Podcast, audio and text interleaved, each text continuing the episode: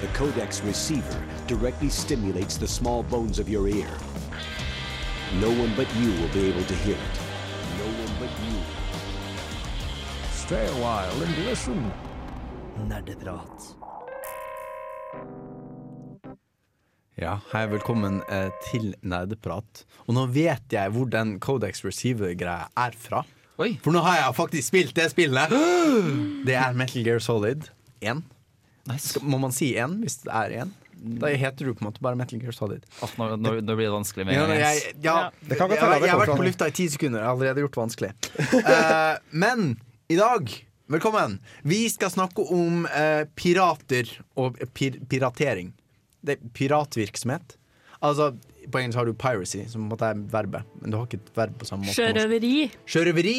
Ja, sjørøvere og sjørøveri. Og da er det sikkert du som hører på, lurer sikkert på Hva mener du, Andreas? Mener du eh, piratnedlasting? Altså å laste ned ulovlig programvare? Mener du pirater som tema for spill? Altså du spiller en pirat? Eh, mener du at vi skal snakke masse om The Pirate Bay? Mener du at vi skal snakke om pornofilmen fra 2005, Pirates? Hva mener du egentlig, Andreas? Og svaret er ja. Ja. Ja! ja. Vi, vi skal snakke om alle de tingene. Oi, Ja, spennende. alle, faktisk. Oh, ja. Alle fire.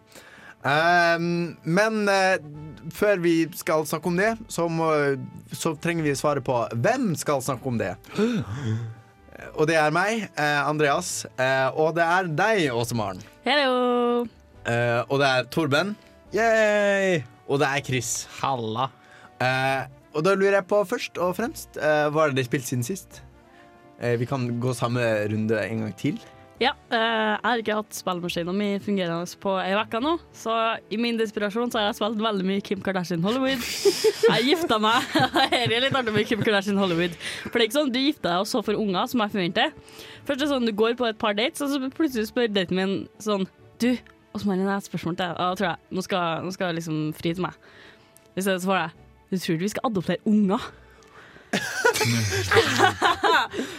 Og det, det var helt fint. Da har jeg en unge da som henger litt eh, i et veldig fint rom. Eh, to dager senere spør hun skal ikke adoptere en unge til. More babies! Kan du velge hvor du vil adoptere fra? Nei, Nei. OK. det, du, får, du får en unge som ser ut som deg. Å ja. Uansett. Da er, det, okay. er det da adopsjonen, egentlig? Altså, Jeg vet ikke hva som foregår i Kim Kardashian Hollywood. Jeg vet ikke hva implikasjonene for spillet- for gameplayet er. Uansett, to dager senere så gifta vi oss. Det var veldig fint. Jeg var veldig rørt. Og nå fer jeg rundt i Hollywood og jeg skal prøve å komme meg opp på som nummer én kjendis i hele verden. Ja. Er du nummer én kjendis, eller er det ikke nummer én venn til Kim Kardashian? Er ikke det målet? Nei, OK. for du, det er du uansett. Å ja. Mm. Og, all, og all, hele familien hennes òg er med i spillet. Og så har du noen random folk som jeg ikke vet om, sånn nei-nei et eller annet. Jeg vet da.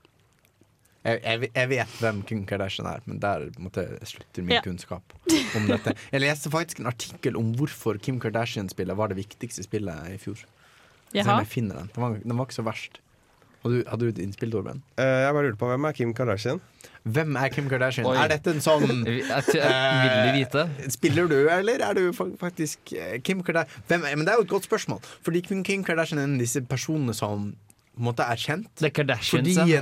Er kjent. Fordi hun er kjent i en sånn evig rekursiv loop-greie. Og så er hun en veldig flink manager, som også er mora hennes, som Ja. har fått i gang eh, karrieren for hele familien, egentlig. Oi. Men altså, hun er en måtte, måte, Hva skal vi si eh, Etter noens standarder svært eh, attraktiv kvinne. Eh, som er, var med i et realityshow, The Kardashians, da, om hennes, he, he- henne og hennes familie. Og hun er gift med Kanye West.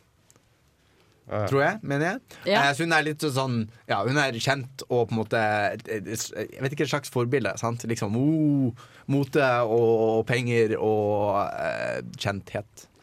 Eh, så i dette spillet så skal du prøve å bli den neste Queen Kardashian. Dette er en av de spillene som har tjent inn mest eh, penger noensinne, tror jeg. Iallfall Clash of Clans. i mobil. Altså, jeg tjener sånn 200 millioner dollar What? Hva i måneden. skjer liksom. med verden, liksom? Nei, kanskje ikke i måneden, kanskje i året. Eller sånn halvåret.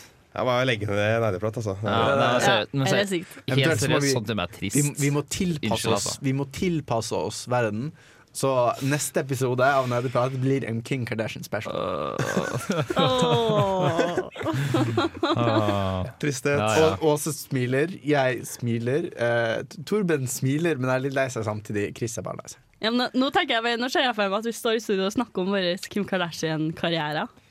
Det er jo litt morsomt at vi alle har spilt samme spill. da Det er kanskje ikke liksom det første spillet jeg ville valgt. Liksom alle Vi skal spille samme spill, men uh, kanskje, kanskje. Men Torben, du har ikke spilt Kim Kardashian. Er det Kim Kardashian The Game? Nei, Kim Kardashian Hollywood heter jeg. Kim Kardashian Hollywood. Du har ikke spilt Kim Kardashian Hollywood. Nei. Nei, hva, hva har du fylt dette tomrommet med? Tomrommet som er livet ditt fordi du ikke spiller Kim Kardashian? Kardashian jeg Hollywood. har fylt tomrommet i søppelbøtta på rommet mitt med masse papirlapper, fordi at jeg eh, er litt eh, Apropos Pirates fra 2005. er, eh, Nei, jeg, Var det, det var, det var Andreas. Unnskyld. Jeg, jeg er ødelagt. Beklager. Nei, du er syk, er vel eh, det Ja. som faktisk er tilfellet. så jeg er litt begrensa i dag, gjerne. Men Nei, hva har jeg spilt? Jeg har jo spilt uh, Shantae and the Pirates Curse. Altså et piratspill. Ja. Eller jeg kan snakke mer om hvordan det er pirat senere i sendinga. Ja. Men det er i hvert fall ikke pirat fordi du ikke har betalt for det. Hva sa du? Det er, det er i hvert fall ikke pirat fordi du har eh, lastet det ned fra Bay. Nei, jeg har kjøpt det lovlig på VU for eh, noen måneder siden, faktisk. Ja. Så bare hadde liggende. Så det var nesten som en skatt du hadde gravd ned. Uh, yeah. Det er Prøver jeg prøver å finne alle eh, piratreferansene jeg finner på. Du der, Chris? Ja. Nei, i det siste så har jeg spilt eh, Skal si, Metal Gear Solid kom ut 1.9. Uh, Fam The Phantom Pain. da Eh, Siden da så har jeg spilt 70 timer. Det er, det er ca. en uke siden. Ja, Så du har spilt cirka, litt under ti timer hver dag. ja cirka. Ja, wow. uh, så da har, jeg vært, en da har jeg vært en ekte krigshannhund i bånd. Eh, for, som Diamond, for det er Diamond Dogs, da. Det er den gjengen du liksom er med i, og den, den armeen du bygger opp. da Hva faen var det svada-trøndersken. Nordtrøndersken din, ass. Altså, det, Neida. det sto i norskboka mi som eksempel på sånn uh, Ja. Pallepalisering? Bam. Skje. Men uh, pointet i hvert fall er at det har vært veldig gøy. Jeg har spilt gjennom hele historien nå, så nå men fortsatt, selv etter 70 timer, og jeg liksom mener jeg har gjort ganske mye hele tida, så har jeg fortsatt kun fullført 40% av spillet. Altså ikke at storyen er 40% ferdig, den er ferdig, men at du har Ja. 60 med innhold da, som fortsatt skal fullføres. da Får man se hva slags innhold det er? Om det blir sånn, si sånn Ubisoft-innhold? Ja, det er- ja, det blir sånn få S-rank i alle oppdrag og sånt, da. Men det er jo litt moro. Men jeg merker ikke at det begynner å dø litt nå, da. Men det har vært moro å være en eh, lovløs midt i havet på en egen oljeplattform som invaderer Afrika, eller ikke invaderer, men sniker seg inn i Afrika og Afghanistan. Det har vært veldig kult. Ja, litt motsatt av det eh, folk flest gjør nå om dagen. Det var, det var kanskje et litt dårlig forsøk på å aktualisere nerdeprat. Skal være litt forsiktig. Kanskje flere som stikker seg ut av eh, Ja. Uh, mm. Det var kanskje Ja, det var, det var dårlig, det. Ja, ja. ja, ja. Nei, eh, jeg har spilt Jeg spiller fortsatt Borderlands The Pre-Sequel eh, med Henrik fra Filmofil. Så vi har mm. en kvalitetstid, og vi prater på Skype. Og eh, finner esker med ting i. Og så åpner vi eskene, og så er det veldig veldig sånn eh, Som å putte heroin inn i blodårene. Hver gang man sånn Krangle om hvem som skal få hva. Ja. Vi prøver å på en måte kjøre så ulike eh, Bruke ulike typer våpen.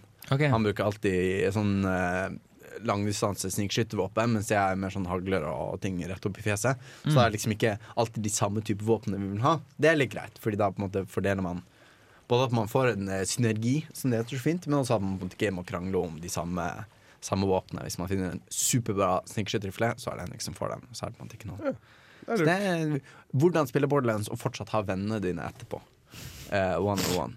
Nei, men Borderlands har alltid vært sånn spill som jeg syns har vært bedre sammen med noen. De føles Ja. sånn de er, Det er litt lange avstander av og til. Mm, det, og I tillegg så har de en veldig, hoved, det er en veldig viktig mekanikk her, at du kan gjenopplive kompisene dine. Og er du alene, vel, tøff løk, liksom. Du kan Ja. ikke gjøre det. Da må du prøve å skyte en fiende, slik at du får sånn revival. da Men det er Ja. Eller second wind, heter det kanskje. Eller noe sånt. Men problemet der er at da må du treffe noen, og veldig ofte så finner han veldig smart. De gjemmer seg bak ting, ikke sant. Så sitter jeg bare Å, helvete! Ett liv igjen! Kom igjen! Nei! Helvete! Og så dør man. Og så Ja, eller hvis man dør akkurat idet man har drept den siste fienden. Eller et eller annet Ja. Det er kjempeirriterende. Ja. Så er det greit å ha en, en venn som kan eh, hjelpe deg inn i nød. Det er også en sånn eh, spesielle teknikker at man kan gjenopplive hverandre og sånn. Mm, Det er også I tillegg så har det jo masse kjøretøy som du kan bruke sammen. ikke sant? Hvis du kun har én, så må du skifte mellom å kjøre bil og så gå til hovedkanonen. Eh, og du har jo enkelte våpen med også, som skal Mm. Nå har de innført I pre-sequel så har de sånn hoverbikes istedenfor, Ja. for og de er enkeltpersons. Det er litt Ja. Um, og det er hover, altså Man så en hoverbike tidligere i spillet og tenkte sånn, skal de vise en hoverbike og så ikke, gi oss en hoverbike? Hva er, det? Hva er dette? Hva er dette? Og så får vi en hoverbike. Og det var fint. Så da, da er jeg veldig fornøyd med, med Borderlands til pre-sequel. En sånn, det jeg syns det er veldig sånn greit sted på en måte de, å få med seg de Det er ikke helt retro ennå, men men å få det med seg før det blir uh, altfor gammelt. Um, du skal få mer pirater eh, på Nerdeprat, eller pirat, Piratprat. piratprat. Piratprat. Um, men eh, først skal du få av eh, den norske bandet Man The Macheries eh, låta De sier nei.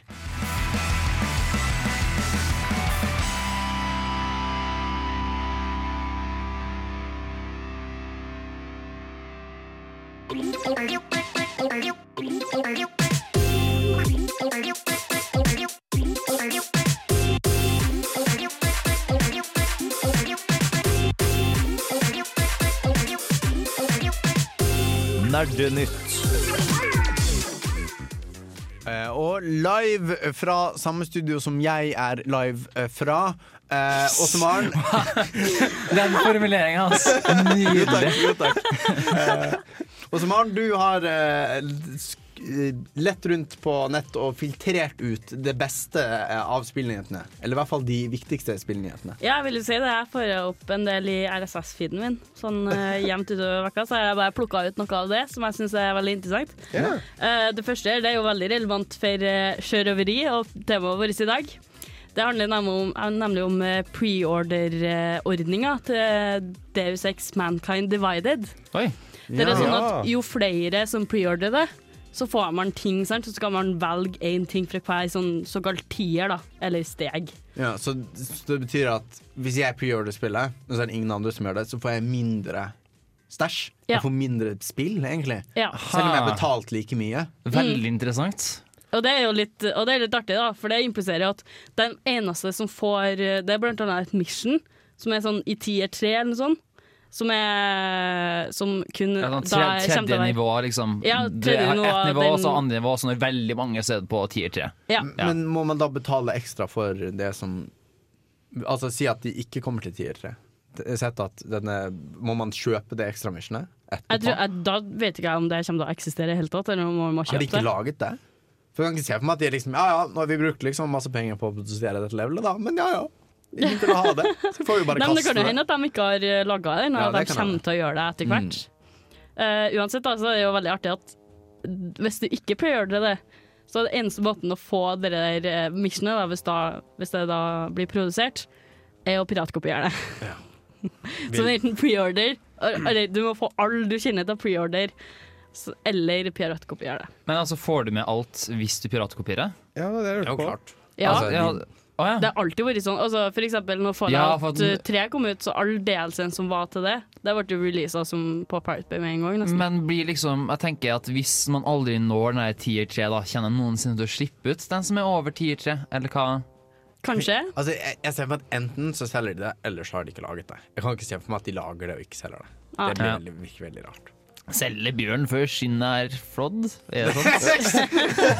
Bjørn er, bjørn er skutt. før, ja, Ja. selge skinnet før bjørnen er skutt. Ja. Mm. Litt Men- omvendt. altså, her. Her, her prøver de å få deg til å betale for uh, skinnet før Ja, altså og så kanskje de flår eh, bjørnen, men bare hvis nok folk kjøper skinn. Ironisk nok så er tier 1 det er faktisk eh, tre skinpacks.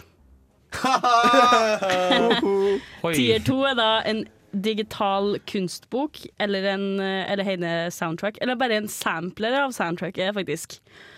Uh, tier 3 det er det ekstra oppdraget. Tier 4 det er mm, en eh, tegneserie eller en novelle. Jeg vet ikke hvordan- det er annerledes fra en novelle. Det er vel bare en kort historie. Mm. Og No fem- novella Ja. er en novelle. Ja, OK. Det er det samme. Det er bare engelske ord er annerledes. Ja, det var veldig Ja. fancy ord. Det skal jeg bruke. Uh, Tier fem, det er da at spillet kommer ut tidlig. Og det kommer åh, kanskje noen måneder, men nei da, det kommer ut fire dager tidlig. Men Ah, fire dager tidlig for alle, eller for de som har preorder? For alle, kanskje. Jeg tror det er for de som preorder. Det. Det er veldig rart om vi kommer for alle. Ja. tidlig. Men Så det er ferdig. Det er bare, vi vil ikke at du skal få lov til å spille det. Det er eksklusivt for dem som betaler først. Det syns jeg er veldig rart. Nei, Jeg skulle, men- jeg skulle si et eller annet bitende og sint om dette. Men, Men ikke- det er litt hva han er ska Jeg husker aldri navnet på skaperen, dessverre. Men han som lager den der Five Nights at Freddy's-serien, han var jo bare sånn Fuck it, vet du hva, vi slipper ut spillet sånn type hva det, to uker før eller noe sånt. Fordi Og det så- var bare ferdig. Og så bare Hæ?! Hva skjer nå? men det men, sånt ku- men sånt synes jeg er kult, da, at liksom det blir bare en greie, og at det ikke er et salgsargument. da At det bare at Istedenfor at åh, men nå er jeg ferdig to uker før. Hvis du preorder spillet, så kan du få tilgang til det nå. Og hvis uh, ikke, så må du vente to uker. Istedenfor så er det bare sånn Nei, vet du hva, folkens, spillet er ferdig. Vær så god, alle sammen. Her. Og jeg tenker Dette er den type ting som gjør at folk føler veldig lite velvilje. Altså Folk blir sånn irritert og sure på uh, Square Enix, er det vel som gir det ut. Og, da, og da blir det mer sannsynlig at de laster ned, fordi de har mindre velvilje. Ja. Fordi de, de føler ikke like mye skyldfølelse hvis de eh, laster ned noe fra noen de ikke liker. Mm. Det føles veldig mye verre å piratene laste et spill fra en spillskaper du vet er hyggelig. Tenker jeg. Samtidig så vet jeg ikke helt hva jeg synes om uh, at, uh, at de liksom har laget et spill, et slags pyramidespill ut av uh, preordering. Eller Ja. forhåndsbestilling. For uh, forhåndsbestilling generelt er litt sånn uggent. ja. liksom. Ja, altså, når jeg tenker at man pusher folk til å preorder, så tenker jeg da, har man, da stoler man litt på til at spillet kommer til å selge bra nok. Men en ting, en som, ting som er viktig å huske er at liksom, fysiske butikker, eh, spillbutikker, lever faktisk på pre-orders. Det er sånn de får pengene sine, liksom. Det, når jeg jobba på GameStop, så var det gøy at uh, selg preorders når du kan, liksom. For okay, det der, for- er, fordi, er det fordi flere preorder enn de som kjøper på release Nei, dag to, litt det, men du får også provisjon da, fra spillselskapene og sånt. da Får du Du- mer provisjon for preorder? Ja, du oh, får, ja. du får, altså, du får altså, Selve altså, spillbutikken får det, da. Eh, og det er jo måten de overlever på. De, må jo ha, de har ikke så mye profit ellers. Det er mest preorders og salg av brukte spill og sånt. Som Ja. eh, Det eneste som er i Norge nå, er vel GameStop, der jeg jobba før. Ja. Og det er vel det eneste som kommer på, i hvert fall. Som, og der var det bare salg av gamle DVD-er, brukt spill og eh, ja, preorders som var greia. Så det er litt den, da. Brukt Det er litt, det er litt kjip businessmodell, jeg ser den, men samtidig, hvis man ønsker å ha noe fysisk, så må, må et sted må pengene komme fra. Ja. ja, det kan vi sikkert komme tilbake igjen. Vi skal, vi skal snakke mer om piratnedlastning senere i sendingen. Så da kan vi komme tilbake til på en måte, bruktspill ved piratnedlastning og sånn. Men har du en nyhet til til, Smart? Det er, det, vet du, fordi Apple de, eh, har bestemt seg for å eh, tappe inn på enda et marked. De har bestemt seg for å gi ut en konsoll. hæ? Ja, altså, en konsoll altså, Det jeg mener med en konsoll, er det er en Apple TV. Som er litt mer kraftig og kommer med en egen sånn liten konsollting. Ja, så Apple TV er en sånn eh, Nesten som en Chromecast. Det er en ting du kobler til TV-en din, og så kan du få Netflix på den. Du kan få Ja, altså, det er på en måte et Apple-device da, som liksom Ja. kobler opp. Ja. Men nå skal de ha mer spill på den. er Ja. det de sier. Uh, og det er jo jeg tenker bare fire år for seint, da. Nå har vi, hva har vi hatt? Oya.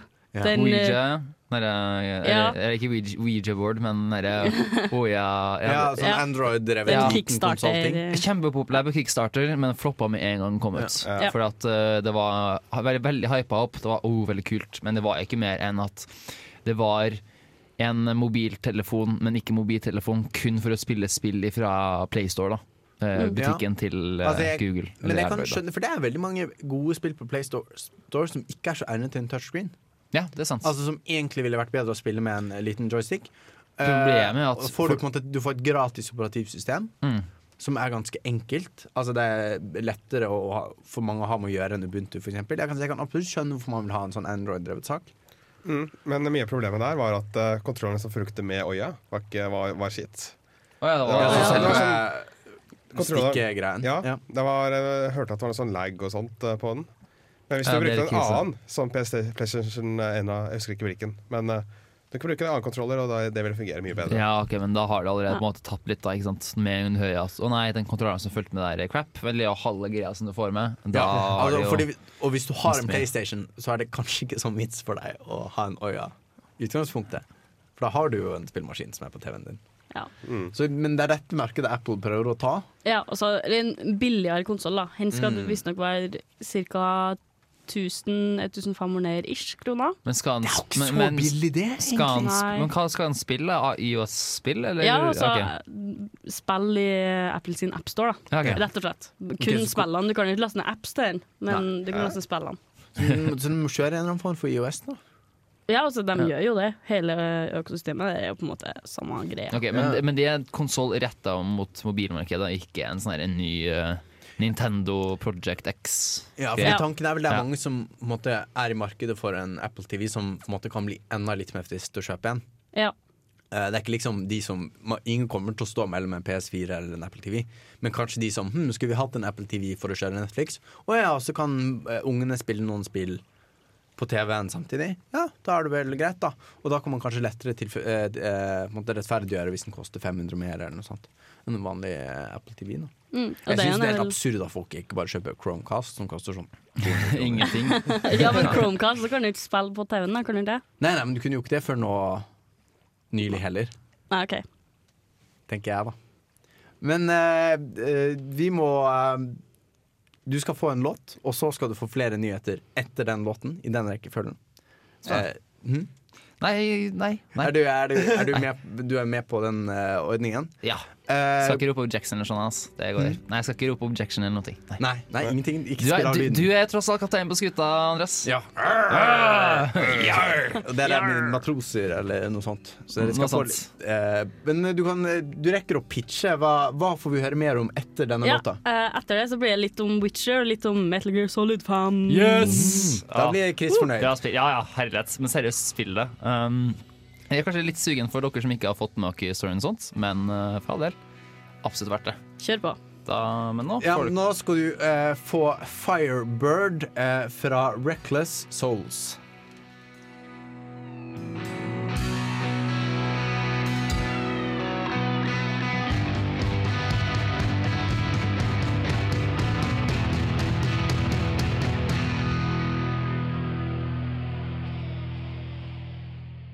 Rett på.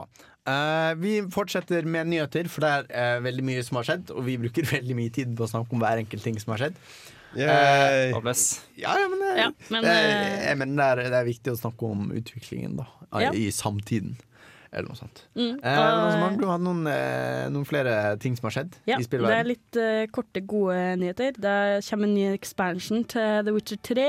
Ja, og den er Oh. gratis. Så vidt jeg har forstått? Nei? bland ennå. nå? Fordi Ja. jeg- Ja, den er gratis. Det er deres, eh, den første delen av dere De skal tydeligvis ha flere gratis DLC-er. Og etter denne? Ja. oh, ja. Jeg tror det.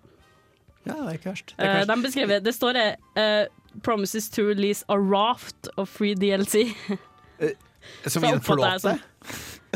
Ja, som i forlåte? det er sånn det, er sånn det står. Skal man måtte knytte de sammen og flykte fra øyen? Eller ja. Uansett. Hele DLC-en Hvordan heter? Hearts of Stone, og den kommer ut 13. oktober. Så hva, hva kan vi forvente i den uh, DLC-en? Uh, Fer til byen Oxenfurt for å drive på kontrakt fra The Man of, nei, The Man of Glass.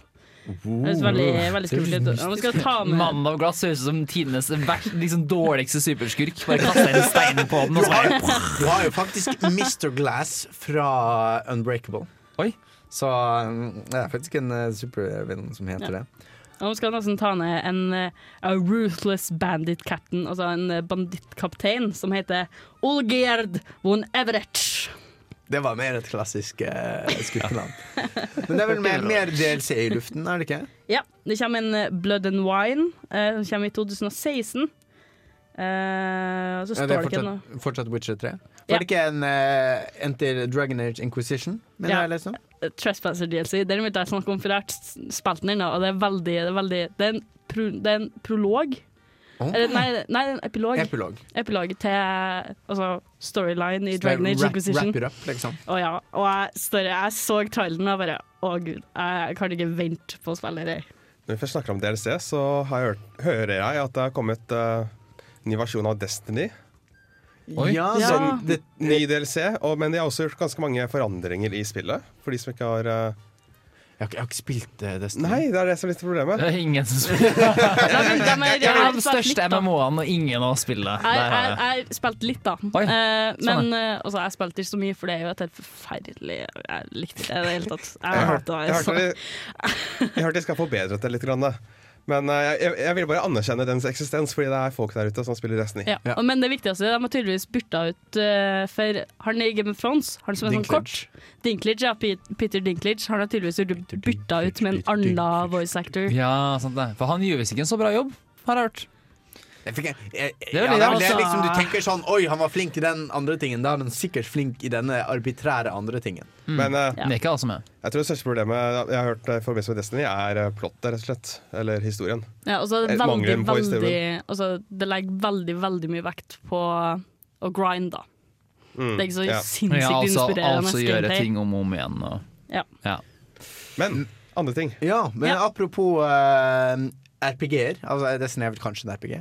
Så vidt jeg har skjønt. Ja, Litt RPG. Alt er. RPG nå om dagen. Alt- alt er RPG. Alt er MMO-RPG i dag. Men ikke bare var det RPG-er i dag, det var også RPG-er for lenge siden. Og det er jo et team som jobber på å eh, porte Morrowind, altså The Elder Scrolls 3, til, inn i motoren til Skyrim, The Elder Scrolls 5. Altså at du putter Ah. hele spillet inn i Skyrim. Så det vil se bare mye bedre ut. Ja, så du får på en måte Morrowind, bare liksom med grafikken fra Skyrim og liksom gameplay, da, som er litt mer tilgjengelig, kan man vel si.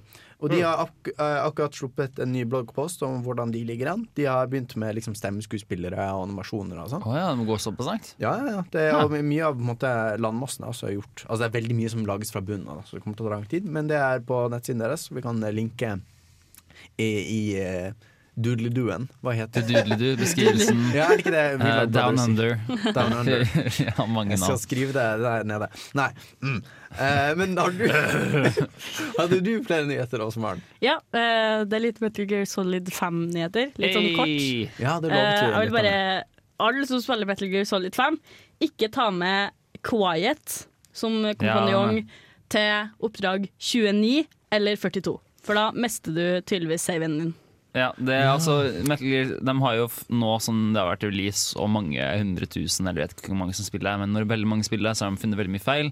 Uh, Online-delen for eksempel var jo helt krise Selvfølgelig Fordi at um, etter sånn to timer så var det sånn Nei, nå har vi serverproblemer. Nå må vi ta en hele greia Ha en emergency fix Og så måtte de legge ned masse funksjoner Frem til de kunne finne ut av problemene.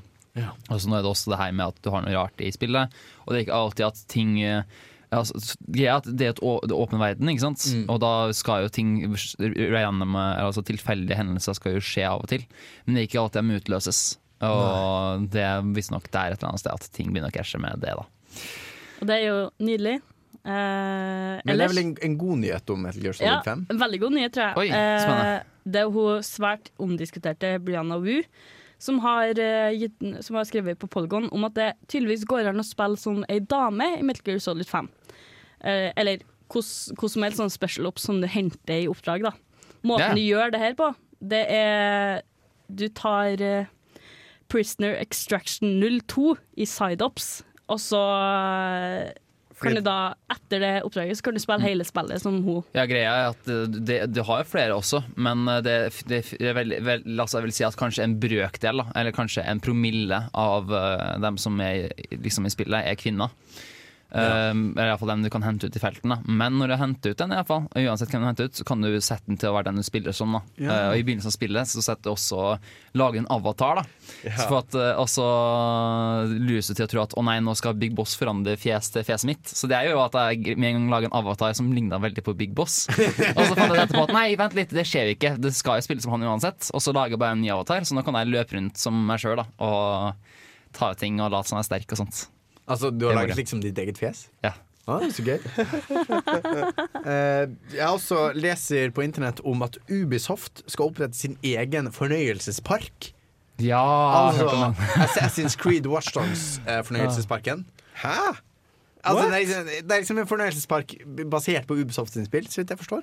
Ja, Og rabbits Rabbids. Og Rabbids, ja, ja. Okay, Ok, så jeg, jeg bare forestiller meg at du går inn i parken, og så det første du må gjøre, er å klatre opp i et sånn høyt tårn. og så må, må du må få oversikt, for å få så, og der får du sånn kart over parken. Ja, ja, ja. Så kan du gå rundt, og så hvis du spør noen hvor er det toalettet Ja, du, kan bare, du ser den enorme tårnet. Du må bare klatre på toppen der, og der kan du se hvor toalettet er. Jeg kan, ikke, jeg kan ikke fortelle deg hvor noe er. Du må liksom finne det ut selv. Du skal helst ikke hoppe ned, for det er tydeligvis dødsfarlig. Ja. Ja, nei, men Det er en høy, stakk i bunnen, så det går helt fint. Eh, leser også, Apropos pirater, at det norske piratpartiet har opprettet sin egen DNS-server. Hva vil jeg si, Andreas? Det, DNS er, altså, det er en, en server som oversetter Når du skriver www.piratebay.com, eksempel, Mhm. så oversetter den eh, Pirate Bay til en, eh, en fysisk adresse til hvor Ja, Eh, altså til eh, 1,92 Altså en sånn rar datamaskinadresse. Så du må oversette mellom menneskeadresser og datamaskinadresser. Eh, og på en måte hvordan de har lagt ned Pirate Bay Mange norske nettleverandører har jo lagt ned Pirate Bay. Det egentlig- De har ikke lagt det ned. ja, det de har ikke lagt det ned, men det de har gjort er at uh, når du spør hvor, er, hvor finner jeg The Pirate Bay, så svarer deres DNS-server nei, The Pirate Bay finnes ikke. Den har vi ikke hørt om. Så uh, Piratpartiet har opprettet sin egen DNS-server, som du kan vi kan sikkert sende en link til hvordan du kan, hvis du av en eller annen grunn eh, vil inn på The Pirate Bay, av akademiske grunner, f.eks. Eh, så kan du, måte, deres server kan gjøre sånn at du kan gå inn på uh, The Pirate Train. Så det, er- og det er jo litt kult at det er liksom et politisk parti som gjør det. Eh, men uh, nok nyheter for i dag. Nå er jeg kjempelei av nyheter! Ah! Nå vil jeg ha en, en anmeldelse.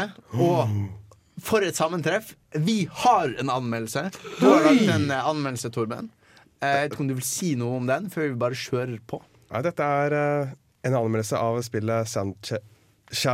La, la meg se om jeg klarer å uttale det. Shantae and the Pirates Curse. Og det er eh, et spill som er utgitt eh, til eh, VU, 3DS og eh, til Steam på PC.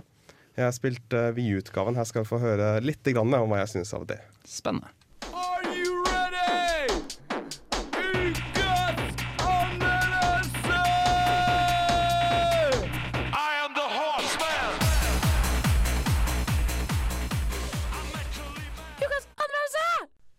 Skal jeg starte anmeldelsen min nå? Eh, ja, eh, gjør det. Kjør på.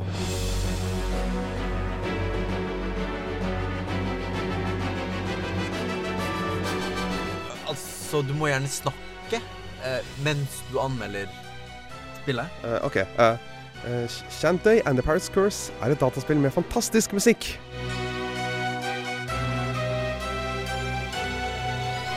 Og eh, jeg, jeg, jeg tror ikke det holder, Torben. Gi oss mer. Shantae and the Pirates Curse er et plattformspill med elementer av Metroid og eventyrspill. Jeg vet ikke om det er musikken eller spillet jeg liker best. Du spiller som Shantae, som ikke har noe annet til våpen enn det lange håret hennes. Og du må redde verden ved å reise rundt og gjøre sitt mens du hører på dritbra musikk.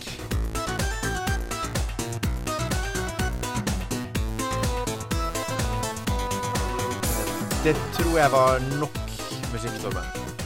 Dette spillet gjør ingenting nytt eller revolusjonerende, men det er veldig høy kvalitet på det spillet faktisk gjør. Gode animasjoner, veldig god design på brettene og sånt, og grafikken er også veldig stilig, men om en litt inkonsekvent. Det er kanskje det er ganske så pikselert på VU. Du kan jo kalle det retrostil. Men, eh, men noe som ikke er retro, er musikken.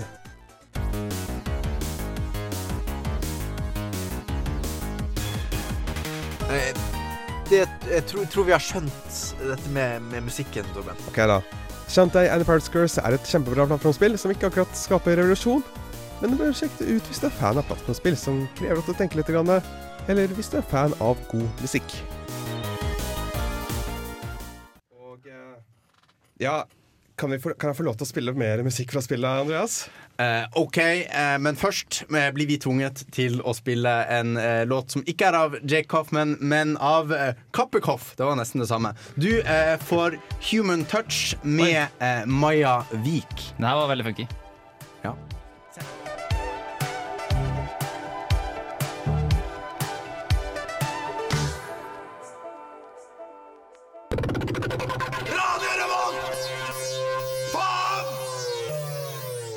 Grr. Uh, men det, det, var, det var, skulle, skulle bare bevege meg videre. Jeg måtte si et eller annet. Uh, men Torben, det er én ting jeg lurer på, som jeg ikke føler du svarte på. Hvordan er musikken i, i, i spillet? Var det en spøk? Ja, det var en spøk. Nei, Hvis ikke det er kjempebra! Det er utrolig, det er veldig fengende og passer veldig fint inn i spillet. Og er Jake Coffman på noe av det sitt beste. Er litt Men i eh, bakgrunnen her. det passer Altså. inn i spillet. Så da er spørsmålet hva er det det, altså, hva er det det passer inn med? Altså, fordi jeg, jeg vil vite litt mer om hvordan det er å spille det spillet. Det er, det er, et plattformspill, Ja. det jeg forstår. Det er et plattformspill, og du Det er egentlig litt sånn open world-aktig. Så, så mye open world 2D-spill kan være open world. I den forstand at du kan besøke gamle brett og sånt. Er det litt sånn Metroid at Det er litt sånn Metroidvania. Bortsett fra at eh, det er ikke sånn utrolig Metroidvania. Det er liksom litt sånn light. Metroidvania Light? Ja. Å nei, skal vi begynne med Rogalight, Metroidvania, like lights? Nei! Chris er eh, Men altså, er det sånn du unlocker nye evner som gjør at du bør reise tilbake til gamle baner? Ja, Ja. det er det. Så det er, så det er litt Metroidvania på den måten. Altså, hva slags eh, evner er det du unlocker? Til aller først så OK, kanskje ikke rekkefølge her, men du unlocker evne til å løpe veldig fort. Ja. Bare smashe ting i, løp, i den vei. Du får en evne til å flyte i lufta. Ved å, ved å ta en stor pirathatt over i hodet og bare seile. Altså, Bruke den det som en eh, som par Fallskjerm? Ja. Paraglider. Og så Jo, du får lov skytevåpen. Ja. Og alle disse evnene som du tilegner deg, er som pirat er ting som tidligere har tilhørt en pirat. Oh, ja. Så du, du slåss mot pirater? Nei, ikke så altfor mye, selv om det er en pirat som er siste på Og i, I det hele tatt Det er ikke så altfor mye pirataktig med dette spillet. Det er kanskje mest i sånn uh, historien og et par av karakterene. Ja, for, for du gjør ikke noen sånne klassiske piratting, som å seile eller Du, du, du seiler gjennom havet for å komme til de forskjellige Ok. brettene. OK. Men eh, det er ikke, det er ikke med menyer, liksom. Nei, men det er en kul meny. Skal ikke fnyse av en kul meny. Nei? Eh, Nei, Ten altså, ten, den menyen, folkens. Det var den beste som jeg har Sånn, sett. apropos menyer, Ah. Den, den musikken du hører i bakgrunnen her Jeg bare Jeg bare Dette er musikk som spiller når du skal velge en fil. Ikke sant? New Ja. game og sånt. Og jeg bare vil sitte der og høre på jeg, kan, jeg, liksom, jeg kan se for meg Torben som bare sitter og jammer, bare høre på den her. I liksom hele kvelden. Ja. Det hadde, det hadde, det hadde ikke forundret meg i det hele tatt, liksom. Men det er veldig kult. Jeg ser veldig godt den. ja, hvor kan man skaffe seg musikken? Musikken den kan du skaffe deg på Bandcamp. Yeah. Bare google Wert Kauf... Nei, Wert er kallenavnet hans, da. Bare Jake Kaufman, Bandcamp. Boom! Den kan du kjøpe for null dollar hvis du ønsker det. Oi. Eller én dollar. Eller eh, ti. Eller hundre. Så vi må putte i dubledur slash eh, down under slash hva man vi bestemmer oss for å kalle Ja. Bare liksom går til SA. Yo! Skal, skal jeg, altså Beskrivelsen på dusken.no slash radio slash næreprat for de som eh, lurer på hva i all verden. Ja, Det er litt altså, sånn de kule kids som taster inn radiorevolt.no. ja, men du kan det nå. Kan du Ja. skrive radiorevolt.no slash radio? Nei, det kan jeg ikke. Det skal jeg Men går du til radiorevolt.no, kommer du da til dusken.no slash radio? Ja. Ja, ok. Velkommen til Nerdeprat, hvor vi diskuterer URL-er. URL-prat. Vi hadde til og med en DNS-forklaring tidligere. Det, det, det er en rød tråd her, tror jeg. Altså, det, er jo, ne- det er jo nerdete. Det er det i hvert fall. Jeg vet ikke om det liksom er det du forventet når du startet nerdeprat. Men det, du, kan ikke, du kan ikke klage på at det ikke er eh, nerdete, i hvert fall. Nei. Nei. er det noen eh, andre som lurer på noe mer om Shantae and the, and the Pirates Curse? Ja, for det var til VU, ikke sant? Ja. Hva var prisen? Eh, Du nevnte kanskje i sted, men hva var prisen på det? Eh, Litt over 100 kroner. Jeg kanskje skal rekke det ut. Kanskje. Er det urelatert til det famøse uttrykket 'sashay away'? Eller 'shantay'? Det vet jeg Shantae Ja. away? Oi. Hvor kommer Shantay away fra? Shantay er stay. Oh, ja, Shantay you stay? Ja, Ja. ja, ja. Jeg skjønner ikke hvor dette kommer fra. Det der, altså når jeg søker på Shantae, så kommer på Google så kommer Shantae, og så første treff er Shantae you stay. Her er fra Og et er det- program som heter RuPaul's Drag Race. Å ja! Det der er bra! Nei, Shantay fikk sin start tilbake på GameCube Nei, Nei, GameCube Color, sier jeg. Gameboy Color. Så det, du sier, det, du sier, det du sier, er at RuPaul er en større nerd enn vi trodde. Ja, dette er, Shantae you stay er helt åpenbart inspirert av plattformspillet fra Når er det fra? Dette som er anmeldt, det er fra fjor, tror jeg. Ja, ok, så det er ganske Han er oppdatert. Og dette. Det er slettes ikke verst. Den uh... just det har vært i bruk veldig lenge.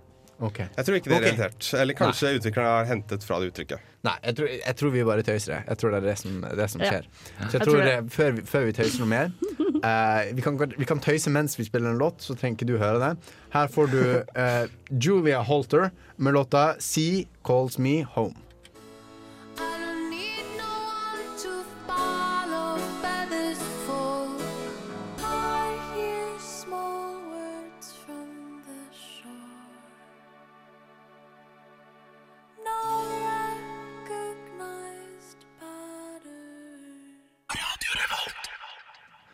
Jepp. Eh, og vi snakker om pirater i dag.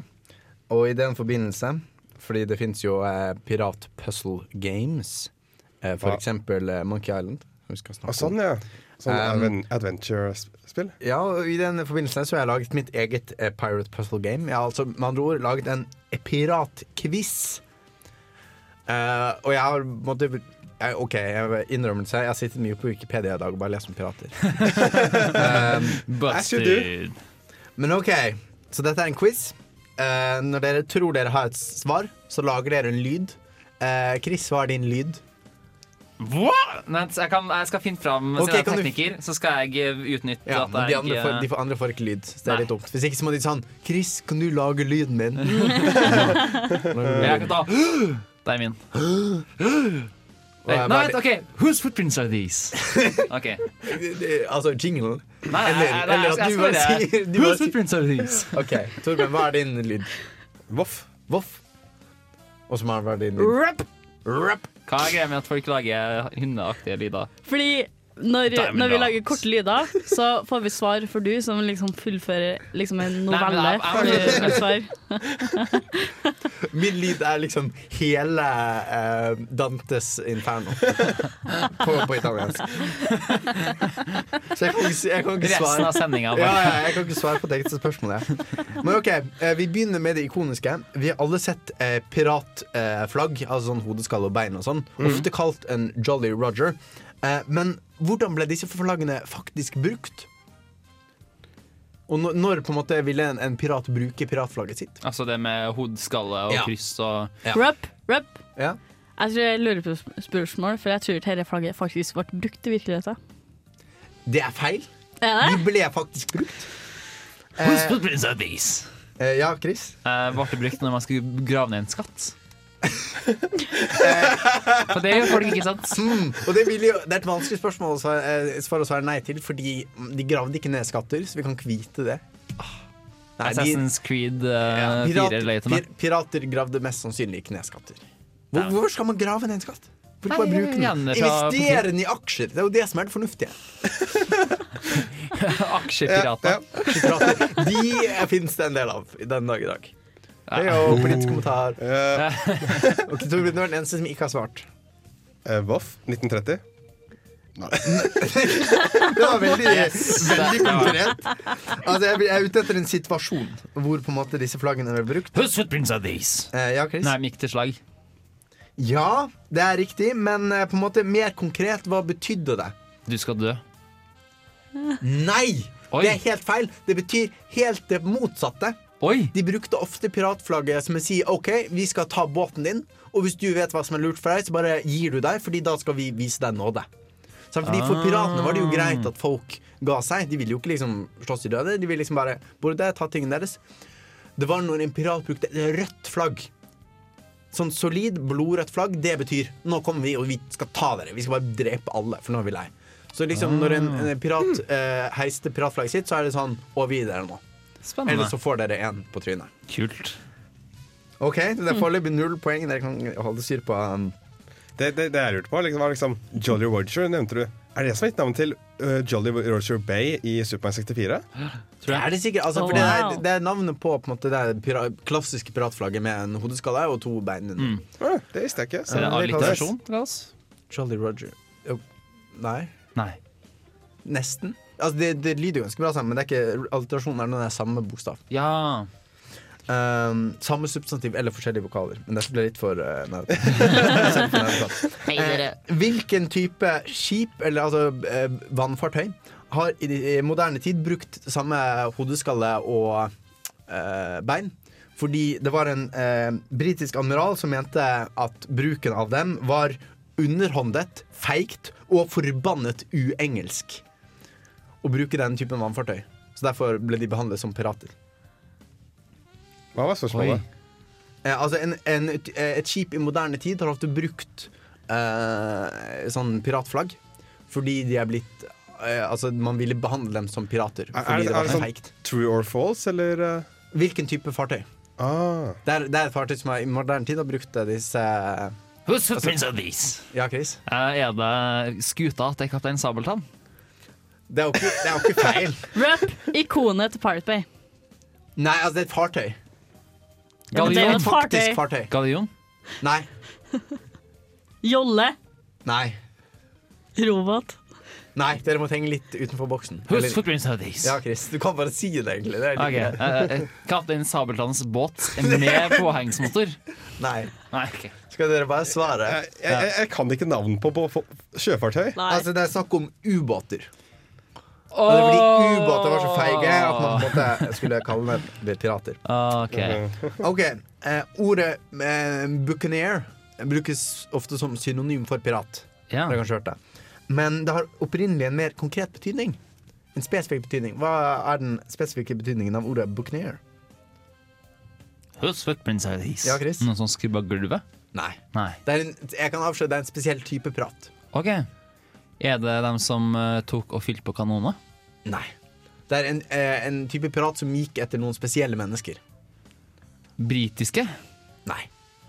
Rup, spanjola. Jepp. På- Første poenget. Ding, ding, Ja, ding. ja. Eh, Buccaneer er pira eh, ble piratene som gikk spesifikt etter spanske skip i Karibia, eh, kalt. Eh, hva er et kaprerbrev? Whose footprints are these? Ja, Chris. Et vev der det står 'bli kapra'. Hva skal det være? Eller, eller en innmelding som man sendte når man ble kapra. Ja, så, du må melde inn til staten at skipet ditt er blitt kapret, Så han ja. betaler skatt på det. Men voff. Ja. Eh, er det dette jeg har hørt om på NRK Sommerbåten-type ting? eh? For det er et eller annet i Norge så er det sånn kaprertid eller noe sånt. Det kan godt hende. Men uh, jeg klarer ikke å huske kaprerbrev. Altså, er, det, er, liksom en sånn, eh, er det sånn eh, godkjenning piratene har fått for at uh, hvis de kapper denne, kapper denne, personen, så får du uh, Poeng, belønning? poeng, poeng til uh, Torben. Det er helt riktig. Uh, kaprede brev, eller eh, på engelsk 'letter of marquee', eller mark, mark. Så dusør? Altså, det er en Altså det er en slags en offisiell pirat. Okay. Altså Du Ja. er privat på vegne av de britene, og så kan du ta Spinole f.eks. ah. Uh, så da, de kalles ofte eh, eh, privateers eller uh, kaperfart.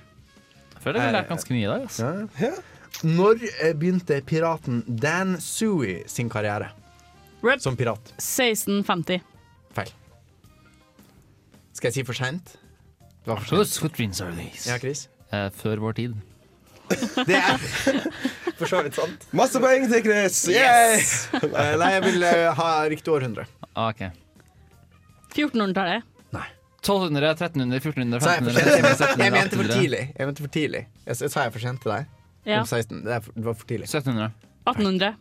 1900. 1900. Oh! Piraten Dan Sui uh, var pirat liksom i USA. På en måte I The Great Lakes-området. Uh, Lakes-området. og på en måte drev med elvesjørøveri. I på en måte 1900 og utover. Litt utsatt da hvis noen kommer med liksom et gevær og bare sier Å, jeg ser han ute på liksom innsjøen der. Han tar vi. Ja, ja, men uh, han, han ble aldri tatt. Og Oi. han ble aldri dømt, egentlig. Eh, så Spennende. han måtte dreve livet og var, var litt pirat og stjal ting og sånn. Ingen som tenkte bare at nå tar vi sånn 20-30-40-50 båter og bare seiler etter den, liksom. Tydeligvis ikke. man kan ikke kaste seg så langt, liksom. Nei, er- du er i den elven et eller annet sted. Ja. Men han ble aldri, aldri tatt, og Spennende. på døde i sengen sin gammel. Eh, hva betyr slanguttrykket 'å gjøre hempdansen'? Nå ble det veldig stille her. Ja. Gjøre hempdansen. Heng... Uh, uh, du å. Ja, jeg er svarer litt. Jeg tror det- når man går oppå dere Når man klatrer dere, dere nettene Ja, det var bra, bra forslag, men det er feil. Whose footprints are these? Ja, Chris. Er når du går i planken? Nei, Gikk noen noensinne planken, egentlig? godt mulig. Det vet jeg ikke. Eh, men hemp, altså en type rep. Det må jeg tenke på. Å gjøre hempdansen, eller do the hempen jig. Oh, eh, Det blir are hengt. Riktig, å bli hengt. Ah. Hadde du tenkt å si det? Fordi du lagde lyden? Nei. Nei. du hadde ikke tenkt å si det. Da går det fint. Eh, OK, og da er spørsmålet, for dette lovet vi. Eh, hvor mye kostet den Hollywood-inspirerte pornofilmen Pirates fra 2005? Whose footprints are these? Ja. Sikkert sånn én million dollar.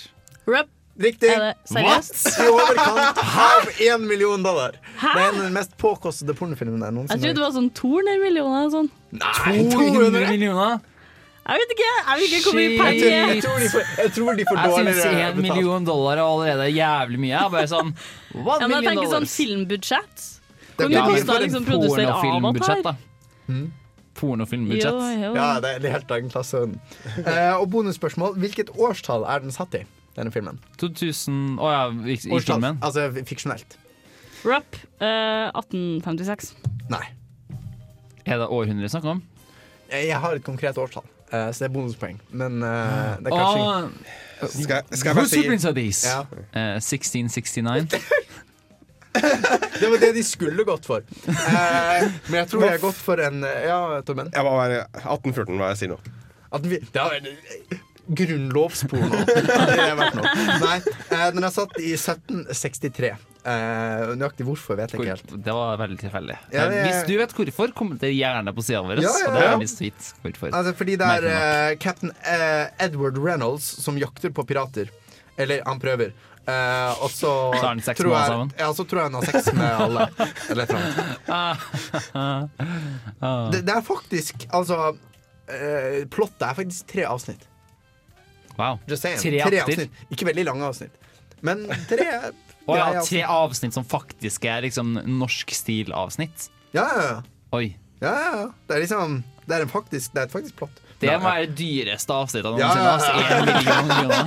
Hvis jeg, hvis jeg fikk så mye penger for å skrive norsk stil, ass, fy faen. Da Ja, men Det må få noen til å gjøre det òg, da. Jeg tror ikke det, jeg tror ikke det er plott, eh, avsnitt, avsnittene i seg selv som er så jævlig sexy. jeg må få alle sammen til å ha sex uh, i norsk stilen min. Ja, men Vi snakker om en film der de liksom bruker 20 minutter til å ha sex i en bygning som brenner. Det er ganske vanskelig å få en bygning til å brenne i 20 minutter på en trygg måte. Det er dyrt. Det er dyrt. Eh, men du skal få mer, eh, og jeg skjønner ikke hvordan de eh, gjorde det, og du skal få flere puzzles etterpå eh, når vi snakker om eh, Monkey Island. Eh, men eh, først skal du få eh, en låt. Dette er Å, oh, den var litt sånn pirataktig. Å. Det er det med de trommegreiene. Steel drums. Eh, ja, dette er Obs, Obs eh, med Jamie XX.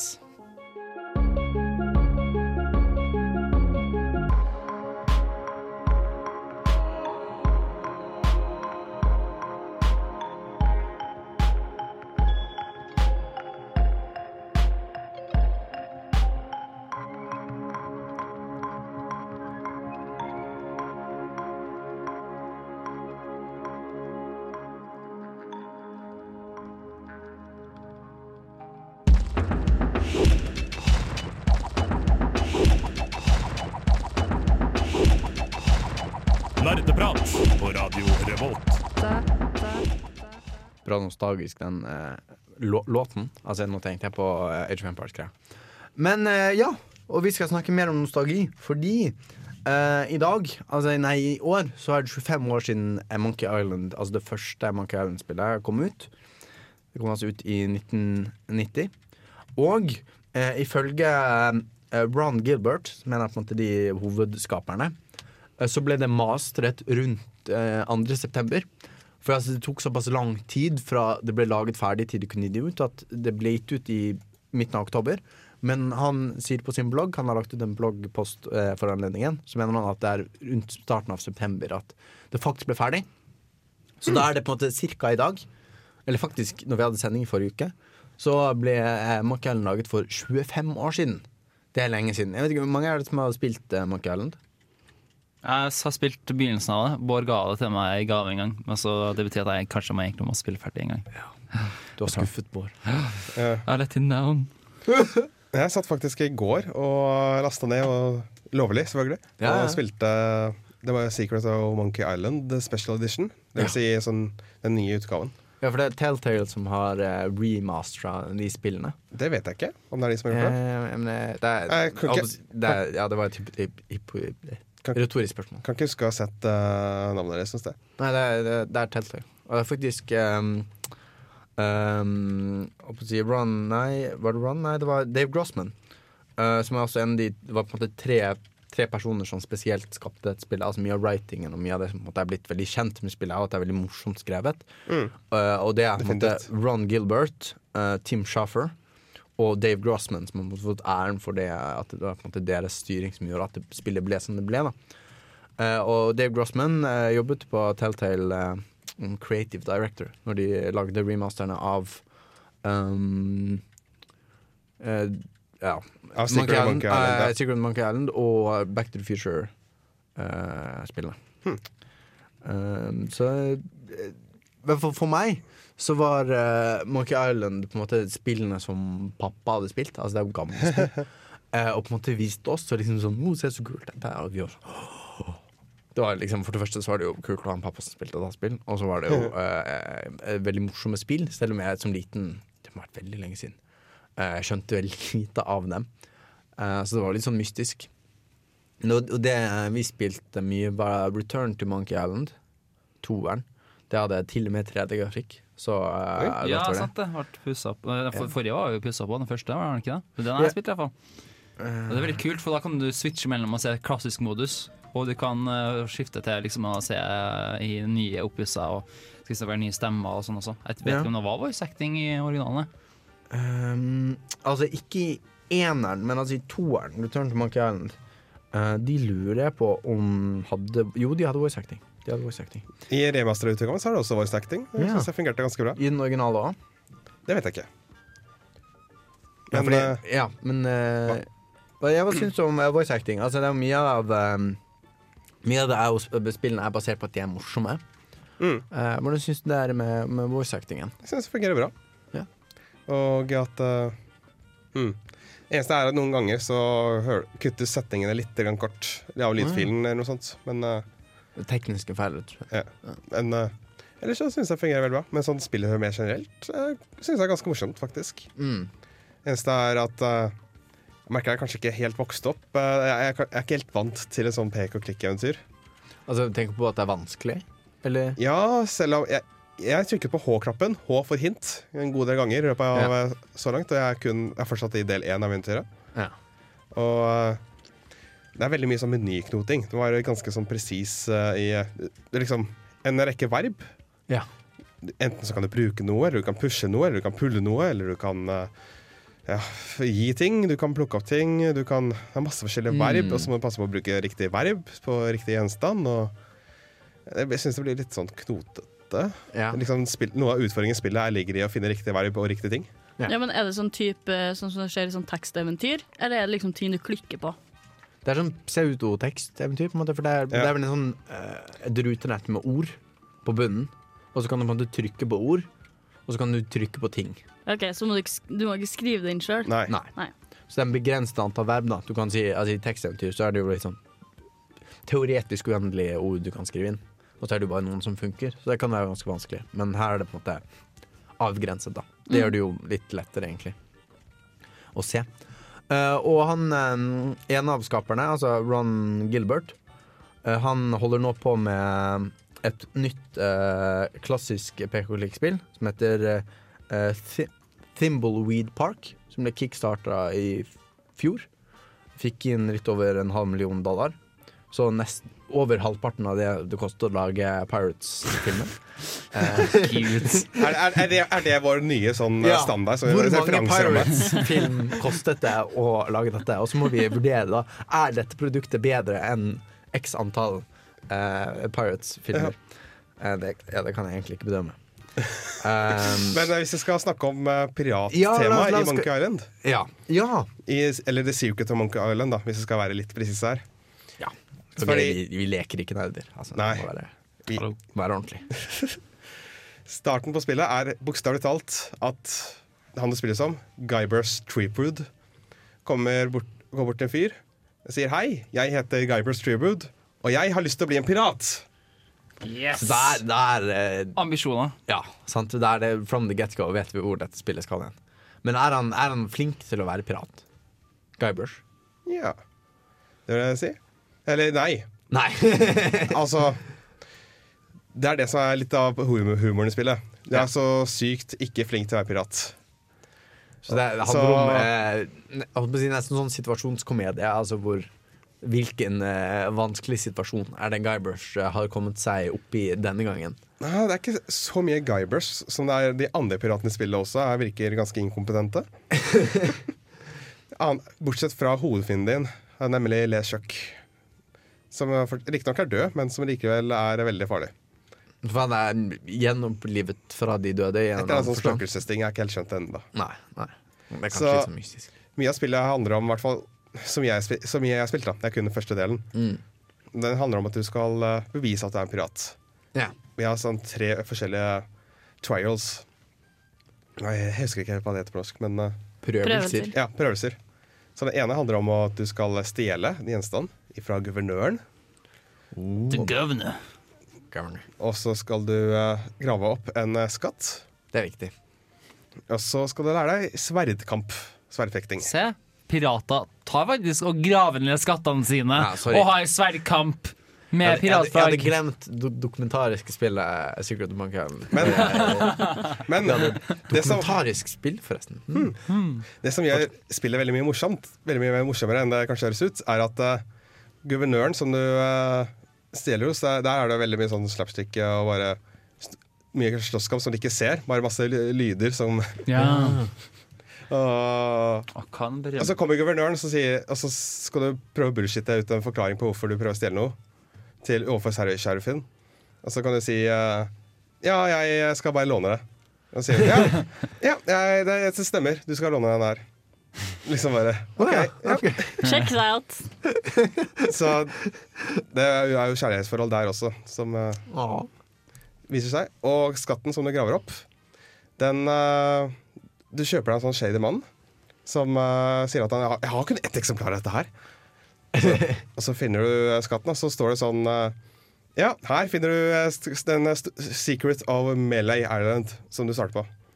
Altså, ja. Jeg er sponset av eh, Næringslivsrådet på Meløy. Så graver du opp skatten, og så er det en T-skjorte. I found the I found the treasure on the Meløy Island, and all I got was this T-shirt.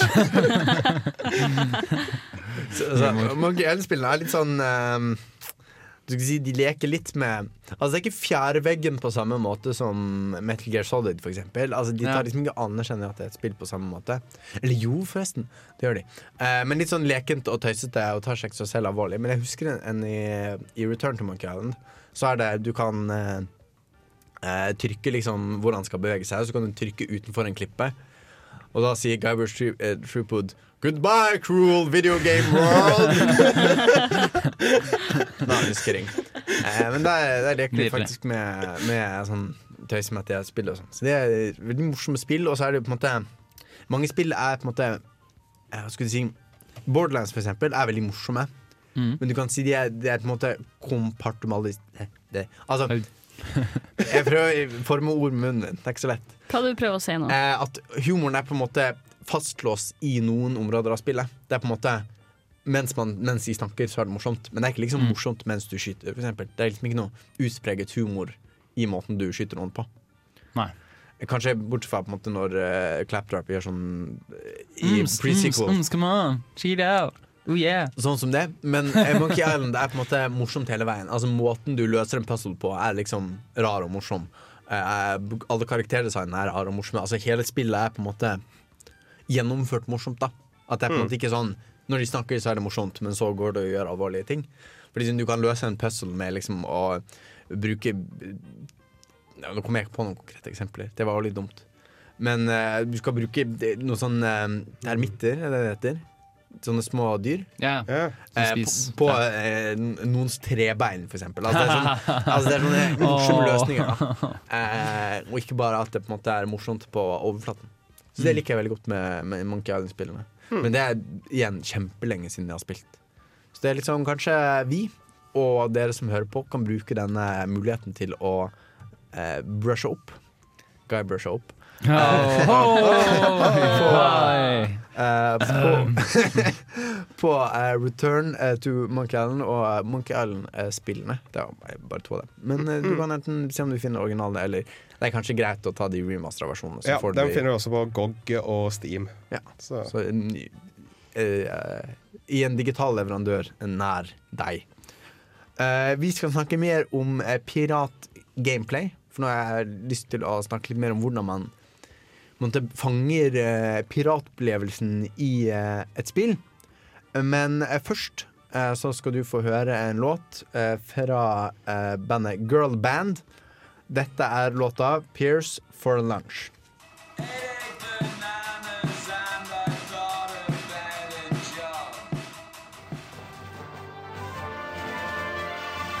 Du hører på Nerdeprat på Radio Revolt. For jeg, jeg sitter med en oppfatning om at mange spill eh, som har med pirater å gjøre, altså enten om du spiller en pirat eller om det er tematikken er pirater, så blir det ofte litt sånn gimmick. Å? Det er kanskje mye Eller om ikke gimmick Det er litt sånn Det er litt, litt preget av at jeg har spilt mye Sid Meyers Pirates. Ah, ok. Eh, Ja. men Sid Meyers Pirates, der på en måte sier de OK, vi har disse fem tingene som vi synes det er å være en pirat. Utgjør på en måte disse fem tingene. Mm. Eh, og da har vi på en måte fem minigames. Ja, Så på en okay. måte en pirat skal seile på et skip. Ok, da har du seilet på et skip delen av uh, spillet. Og så har du flørte med guvernørdøtre og danse med dem delen av spillet. Det er et eget spill. På en måte hvor du skal time. Og så har du uh, fektedueller, som er et eget spill. Uh, lete etter skatter. Det er faktisk et eget spill for å invadere byer. Det er veldig mange sånne spill i Sin Marriage Pirates. For det er liksom spill, et spill som alvorlig gått inn for OK, hva gjør pirater? Hvordan gjør det? Nå er det nedgravde skatter, og det er kanskje litt tøys, men det, Nei da. det, er skjedd. ja, ja, ja. Ingen fant er fant dem. Og det er iallfall en sånn kulturell oppfatning av hva pirater gjorde, det er kanskje enda viktigere enn hva de faktisk gjorde. Mm. Så de har gått veldig sånn direkte til verks. Men det jeg lurer på, er i, i spillene dere har spilt med pirattema ehm, Som å si, Det var kanskje ikke hjemmelekse, men det er noen, har, noen har spilt noen spill med pirater i. Hvordan går de fram for å på en måte fange de tingene som vi mener en, en pirat gjør? Hvordan gjør man det til en, en, en gameplay-ting? For du har spilt eh, Assassin's Creed Black Flag, Ja, det stemmer. Uh, og der er sånn Den store greia der var jo at se, tar et skip dere likte skipet i treeren. Vel, nå får dere enda mer skip i fireren!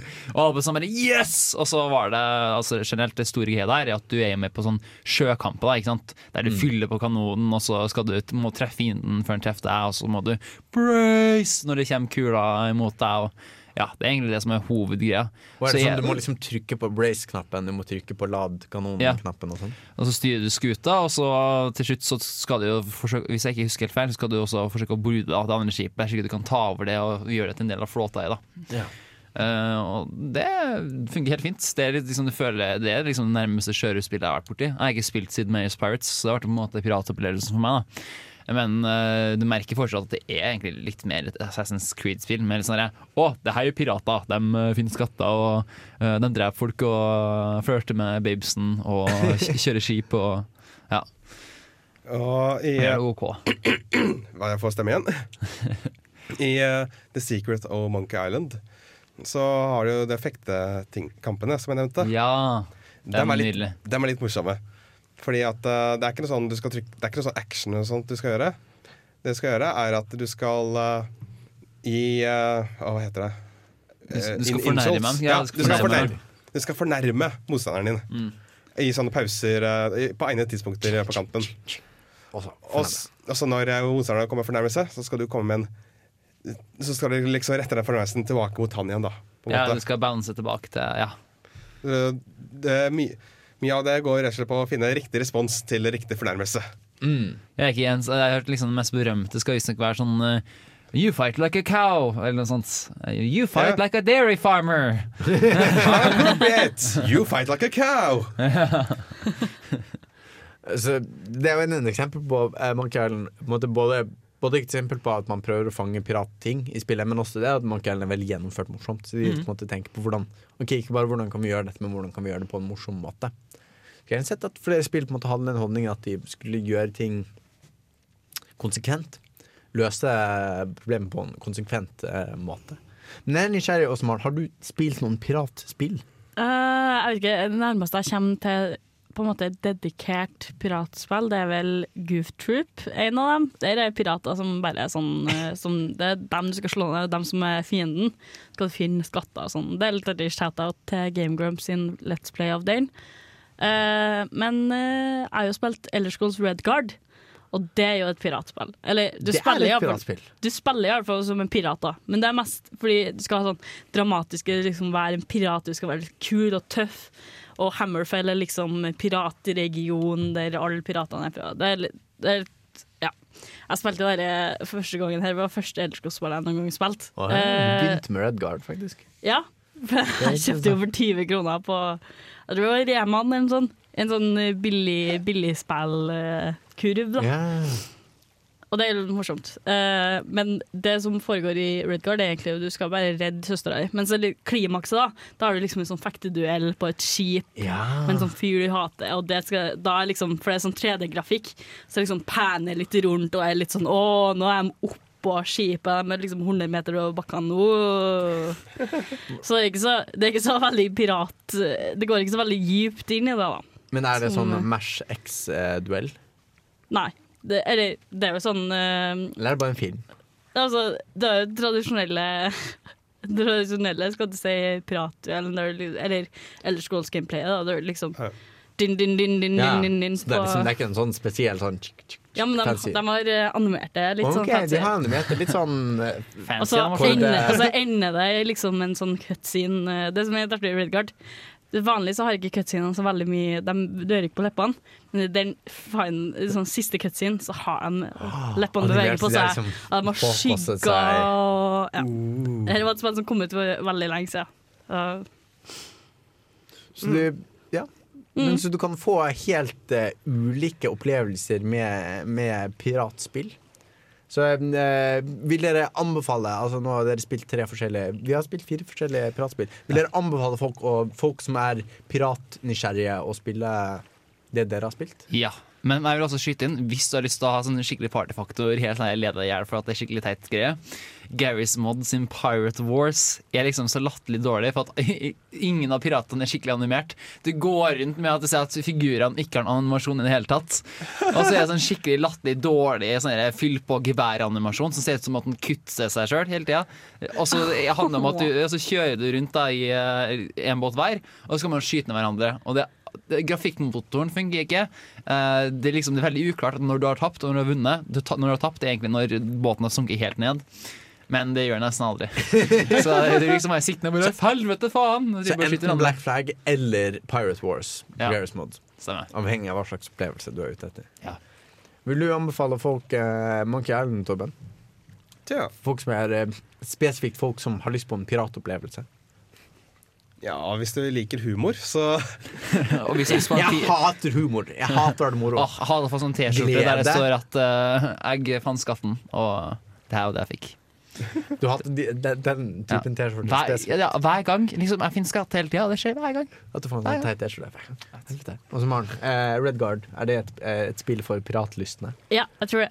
Eh, jeg, vil, eller, jeg er jo sånn Jeg er jo, jeg er jo ikke biased i det hele tatt når jeg Nei, sier nei, at Red Redguard er en av beste spillene som er laga. Men jeg bare sier det.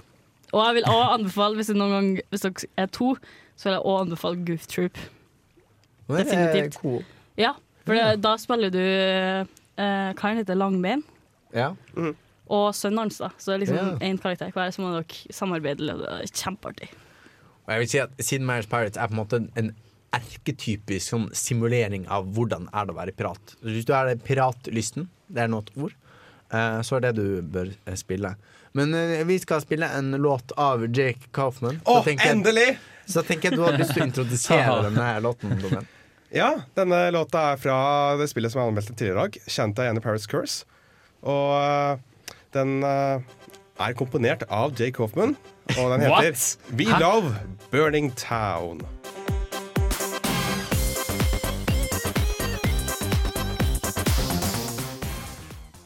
Og der, eh, Nå har vi jo snakket om håper å si, lek og moro med pirater. Skal vi eh, gå, gå over til en annen betydning av eh, pirat? Eh, piratnedlasting. Oi. Det er jo om å si, jeg forklarer det, det er jo å laste ned for eksempel et spill uten For eksempel fra The Pirate Bay. Fortrinnsvis uten å betale for det, er vel, er vel eh, litt ligger litt i det, da. Ja, altså at de som skulle ha fått pengene av deg, har ikke fått pengene av deg. Det kan jeg, sånn kan man si det. Eh, og det er jo en ganske alvorlig debatt, men jeg tenkte vi kunne begynne på en lys, lys tone. Noe jeg syns var litt morsomt å lese om. Nemlig uh, spillselskaper som når de har måte, nei. Når folk har lastet ned spillet spillet deres nei. Å nei! uh, så er de for at folk er så dårlige Altså Spillselskapet synes jeg generelt er dårlige på å svare på det. Ja, ja, ja. Og det, og det vil jeg si. Og det, det, disse, men disse svarene som jeg vil snakke om nå, er kanskje noen bedre. Oi. Folk som har tatt det litt, litt tongue in cheek. For eksempel uh, Alan Wake-spillet. De Ja. la til en patch, sånn at de som hadde lastet ned en cracket, altså ulovlig versjon av spillet, da hadde Alan Wake, altså hovedkarakteren, hadde alltid en piratlapp på det ene øyet. Og det var, det var den eneste forskjellen på det vanlige versjonen av spillet og at man cracket er Liksom piratlappen.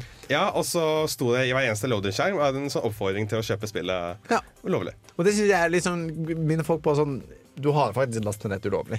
Eh, Ja, du, blir, du føler liksom litt at du blir sett. Ja, det er litt sånn, Ikke veldig, de, men de vet hva jeg holder på med. Ja. Eh, og det samme med eh, Batman Arkham, uh, Arkham Asylum. Det er jo en litt hardere måte, men hvis, i den ulovlige versjonen av spillet så kunne ikke Batman fly så langt. Ja! Og da gikk det på en måte fint en stund i spillet, men så kom man til et tidspunkt hvor man ikke klarte å spille ja spillet du, må, videre. du må glide såpass langt, da. Ja. Og det var noen som hadde postet på forumet liksom sånn Du, jeg får ikke til, det funker ikke å komme forbi der, og jeg klarer ikke å gli. Hva er det som har skjedd med spillet? Jo, det som har skjedd med spillet, er at du ikke har betalt for det. Eh, og derfor så kan du ikke gli. Eh, så jeg vil oppfordre deg til å kjøpe det på ordentlig. Og det var ikke noe mer svar, da. Eh, det er på en måte en, en litt hardere metode. Altså at du, du reduserer på en måte kvaliteten på cracked versjonen. Det kalles ofte for fade, faktisk. Ofte, fordi ofte så er det sånn at den gradvis blir verre. Eh, utover hvor lenge du har spilt, så blir det på en måte den ulovlige versjonen vanskeligere og vanskeligere å spille. Tilsvarende spill er Earthband, faktisk. Ja, Hvis Ja. du hadde en sånn cracka-versjon, så var det flere fiender. Og Masse ikke- som sånn grinding Ja, det er veldig mye oftere, og ikke bare det. Men uh, du skulle sikkert nevne det også, tror. Ja, at uh, når du kommer til Åh. slutten av spillet, så vil spillet fryse akkurat når du skal starte aller siste bosskampen.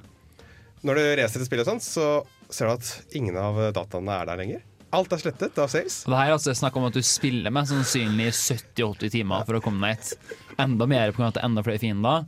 Kjem dit, og så bare bam. Men det er nydelig, men det er så vondt. Ja, det, men det det er er så fint og vondt samtidig. Ja. Er det ikke Satoru Gata altså- som programmerte eh, Earthbound? Det var jo det. Det er jo Ja, Det er fordi det er Nintendo-folk, da. Nintendo, er sånn japanske men- Noe, sånn, noe veldig lignende så var jo Game, Day, Game Dev Tycoon. Det er jo rett og slett, først så virker det veldig greit. Alt gikk på skinner. Men For dette er et spill hvor du eh, spiller et spillselskap. Ja, og så lager du spill, så skal du liksom tjene, og så har du sånn månedlige greier som Så hvis du ikke produserer noe spill, så går du jo konkurs. Mm. Men hvis du har piratkopiert det spillet, og her var det dem som har utvikla de har lagt ut en versjon på Pirate Bay, da. Mm. Og det var denne versjonen der du etter hvert spillet gikk, så gikk du konkurs uansett. Ja. Fordi folk piratkopierte spillene dine. Ja. I spillet. Å, det er nydelig. Den syns jeg altså er morsom å ha en, eh, en versjon. Jeg vet også i Det, det fikk ikke spillet metakommentar? Eller Ja, ja. ja. Også i spillet I Have No Time To Explain, som er en slags sånn runner platform-spill, så okay. er det eh, I den piratkopierte versjonen av spillet så hadde alle piratklær på seg. Og det var liksom også det som forskjellen. Naturligvis. Eh, så, så det er jo på en måte den eh, At, at noen, noen spillselskap eh, velger den, den morsomme ruten og tar litt sånn Tøyser litt med det. Men det, når, når vi begynte på dette, Chris, så ble jo du litt sånn oppgitt. Er det riktig ord? Ja, ja. Fordi du kom til å tenke på kanskje en annen måte å, å møte dette problemet på. Ja, tenke på generell piratkopiering. Ja, altså fordi, altså fordi du, du virket su sur når vi liksom skulle snakke om hvordan utgivere møtte piratkopiering. Nei, altså, Det syns jeg er veldig positivt, men generelt når det er snakk om nei, det er sikkert mer over liksom, hvordan noen spillselskap har reagert. F.eks. Mm. det med at du har DRM, altså at du Ja. må aktivere spillet på nett, og det går til helvete hele tida. Og det er kjempeirriterende at du må bruke en klient som er skikkelig dårlig, og at du mistenker den som faktisk betaler. da. Det syns jeg er dumt. Det er liksom det er helt feil ende å starte i. Det er egentlig bare det. Men der Ok, jeg har, jeg har lyst til å starte eh, For nå kan vi på en måte transisjonere til mer sånn diskusjon om dette. Men jeg vet ikke om det, det er lurt å eh, stille spørsmålet før man diskuterer det, men jeg har lyst til å gjøre det likevel.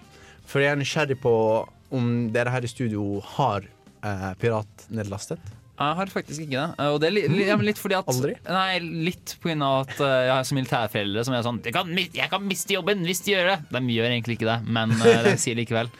Eh, Men det er liksom i nyere tid, da når jeg liksom flytta hjemmefra og tenkte sånn, «Nei, skal jeg gjøre det, så har det Steam Sales vært en stor greie for meg ganske lenge. Så da har jeg bare kjøpt masse kjempebillig. Og hvis det er sånn at nei, nå har jeg ikke noe som jeg syns jeg har noe særlig å gjøre, så finner jeg bare noe i Steam-katalogen som jeg har kjøpt, og ser oi, der var det noe nytt som jeg ikke prøvde før. Og så prøver jeg det. 90 av gangene så er det shit. Men altså, den, ti, den, ti, den gode 10% altså, det er ganske fint 10 vil jeg si. Det er litt sånn samme opplevelsen. Jeg har ikke følt behov for å privatkopiere. Bortsett fra et par ganger på ungdomsskolen eh, hvor jeg har privatkopiert uh, Gameboy Color eller Gameboy Advance-spill. Ja, til, emulator, eller Ja. til en Så jeg har lastet ned en rom eh, der, da. For, det, for, det, for det er vel et eksempel på uh, hvor det ikke på en måte er noen lovlige alternativ på Ja, nettopp! Ja. Jeg, jeg privatkopierte Pokémon Trading Card Game. Altså no. The Video Game-versjonen. Det er artig. Ja, det er, det er veldig gøy. Jeg oppdaget mye av musikken og sånt. Men det Men, men når, når dette kom ut på Nintendo 3DS Virtual Console, så kjøpte jeg det der. ja, Ja, så, liksom, du, altså, du har betalt for dine synder. Ja, men altså, det som er gøy er at Veldig ofte når piratkopiering skjer, er jo for at det er ikke tilgjengelig. Uh, og Det er derfor veldig mange nordmenn piratkopierer veldig mange kjente serier som f.eks. The IT Crowd, uh, Game of Thrones og sånt, er for at ting kommer ut veldig seint i Norge. Uh, liksom, selv om du betaler for HBO Nordic, da, så kjenner du fortsatt en dag eller to etter. Og for mange så er det faktisk for seint. Og det er veldig mange serier som ikke er tilgjengelige ellers også. Ja, men så for eksempel, for jeg brukte å gjøre en måned gratis-greier på HBO Nordic. Og da er det faktisk sånn at hvis du setter opp det tre om kvelden, så får du Game of Thrones samtidig som det går på TV. Og det er til og med sånn at du kan streame hele greia. Altså, teknisk sett kan du gjøre deg ferdig med Game of Thrones før folk på TV har sett det. Mm. Men jeg er jo sånn som jeg, pirat, altså, jeg spiller ganske mange spill. Eh, og jeg er sånn uh, siden jeg ikke har så mye penger, så har jeg piratkopiert en del. Uh, det ender jo opp med at jeg kjøper på Steam etter hvert. For eksempel Skyrim. Det, pirat, det, det spilte jeg en piratkopiert versjon i sånn år før jeg dro til å kjøpe meg det. Og Jeg føler jeg på en måte har gjort opp med det ved å kjøpe liksom alle delsen til Skyrim, som jeg egentlig bare kunne ha lastet ned og fylla på, på nettet. da Men det er alltid sånn hvis, hvis, spill, hvis jeg liker spillene, så, vil, så føler jeg en trang Jeg må på en måte vise at jeg liker spillene, vise at jeg har spilt dem. da Så derfor kjøper jeg dem på Steam etter hvert. Altså, det har skjedd for Life is Strange, for eksempel. Det har skjedd med uh, Honeypop, som jeg har spilt veldig mye nylig. Uh, og det har skjedd med, skjedd med Skyrim. Ja, og det, det er ofte sånn Hvis du ser på description på uh, Pirate Bay, så står det 'if you like it, buy it'. Og at måte, i miljøet så er det også en oppfatning av at en man skal støtte de eh, spillene og spillskaperne som man eh, brenner for. da Og det er det generelle ar- eh, argumentet også, er at det er veldig skummelt å betale. For noen så er det liksom det å betale 200-300 kroner for noe er jo en digg deal. Altså Det er jo for meg fortsatt som er på stipend, og det er jo veldig skummelt da hvis bare å nei, de 300 kronene der gikk rett i ræva. Det gjorde vondt, rett og slett. Det var, det var ikke noe bra. Altså, jeg er jo piratkopiert mest aktivt etter at jeg preordra SimCity. SimCity. Så ligger jo noe i det at jeg ville på en måte ikke kaste bort pengene mine, da. Ja, som fordi- jeg gjorde med SimCity. For du var skuffet Ja, over SimCity 4. Ja, jeg var veldig skuffa over SimCity, og mm. det var to uker der jeg ikke fikk det å spille heller. Mm. Og det var sånn, Ikke bare pga. at serverne ikke, ikke var opp, men at eh, spillet rett og slett ikke Det var ikke bra nok. Eller det oppfylte ikke forventningene. Vi skal snakke mer om eh, altså, sånn DRM, eh, som du snakker om her, som ødelegger spillet. Etter du, eh, men først skal du få en eh, låt fra Dette er Dub Mood med Funky Stars. Men den er kanskje me mest kjent for å være eh, den låten som ble brukt i et krekkeprogram. For det gjør det ofte at når du krekker spillet, eller programmet, så er det en låt som kjører. kjører Og den låten kjører opp på krekkprogrammet for Teleport Pro.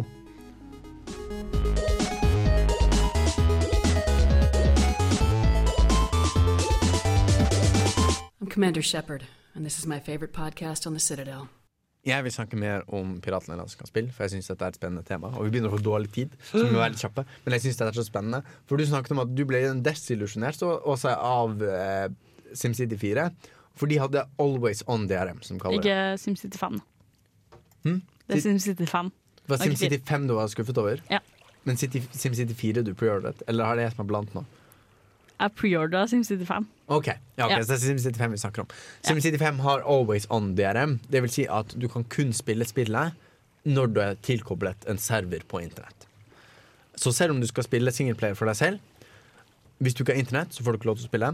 Og enda verre, hvis serveren krasjer, som skjedde etter nei, serveren, EA sin server krasjet, så selv folk som hadde internett, folk som hadde kjøpt spillet, folk som bare skulle spille singleplayer, fikk ikke lov til å spille spillet i to uker pga. serveren var nede. Er det at I to uker så var det veldig veldig ustabilt. da Mm. Så selv om du fikk deg inn, som var veldig vanskelig, så, så, Beklager. Det var teknikerfrese. så, så var det veldig vanskelig å spille spillet. da Og, og, det, og det er liksom Og da, du hadde ikke piratnedlastet dette Er det det heter? Piratene lastet? Du hadde ikke lastet ned dette spillet. Du hadde Nei, kjøpt for det. altså, SimCity går ikke an å piratkopiere uansett. Og jeg preordra det fordi jeg elsker SimCity. Mm. Så jeg jeg, så brukte jeg jo 500 kroner på eh, deluxe edition av det. Så, så, så, så. Det, det ordner seg til slutt. Skal få, men, og, det, og det, dette tror jeg er det som har skjedd for mange. Altså Én ting er eh, Vi kommer jo ikke frem Men jeg, jeg piratlastet litt når jeg var mindre. Fordi, altså, fordi jeg, hadde, jeg hadde jo ikke så mye penger selv, og på en måte det var litt stress. Og liksom måtte gå gjennom på en måte, ukelønn og den type ting. Så jeg lastet ned spill, for jeg hadde lyst til, lyst til å prøve dette spillet. Um, men med en gang jeg på en måte har fått egne penger, så foretrekker jeg å kjøpe et spill. Også fordi det er, på en måte, man får mange fordeler. Men det jeg opplever at har skjedd for mange, er at de på en måte føler de får en dårligere deal. Ja. Ja. Når de kjøper Altså det du får når du kjøper det, er dårligere enn det du får når du laster ned. Og da er på en måte én ting er at om det er gratis eller ikke. Man kan ikke, man kan ikke konkurrere på pris med gratis, men du kan i det minste gi et produkt som er like godt. Det snakker jo for så vidt eh, faktisk Mathias Christiansen, journalist i Underdusken, har en eh, artikkel i Underdusken i nå om eh, Popcorn Time på litt av det samme. Altså, folk bruk, at mange bruker ikke Popcorn Time fordi det er gratis. Det skader jo ikke, men det er jo ikke derfor. Det er fordi det er bedre. Mm. Fordi du får De nyeste filmene er fordi du får, får det med en gang. Du må ikke vente kjempelenge. Sånn som du får på, på Netflix, for eksempel, får du ikke alle filmene. Du Så- må ofte vente lenge. Jeg lurer på, på en måte om filmselskapene har satt opp litt sin egen felle. da For at Problemet med Netflix for eksempel, er at grunnen til at de ikke har alt med en gang, er på grunn av at de må gjennom en ganske lang eh, forhandlingsprosess først. Eh, Det er ikke bare for dem å ta en film og si hei, vi har lyst til å ha den her på. Det må forhandles med distributøren, det må forhandles pris. Og veldig vanlig så er det sånn at er ikke filmen to-tre år gammel, så er prisen for, i Netflix sine øyne for høy da til at de kan publisere den. Så det er der på en måte problemet ligger. da, At eh, utgiverne vil ha det med en gang, men eh, samtidig så krever de en for høy pris for det. Eller så, altså, de, de sliter med å gjøre det attraktivt da, og eh, ta det betalt. Samtidig så er jo argumenter om liksom, er noe ulovlig, eller er det en svær greie? Uh, men de tjener ganske fett også. Ja. Så det er liksom det som er på en måte kontraargumentet der igjen. Så, tenker du Popcorn Time? Tenker ganske Nei, jeg tenker bare film, film? Ja, ja, jeg tenker bare sånn film og popcorn time og alt generelt. Ja. Liksom, mm, filmindustrien tjener ganske mye penger, de taper ganske mye penger, men hvor mye skal det? er spørsmålet. Og den der, for eksempel den kampanjen som gikk eh, for kjempelenge siden, den derre You wouldn't steal a car!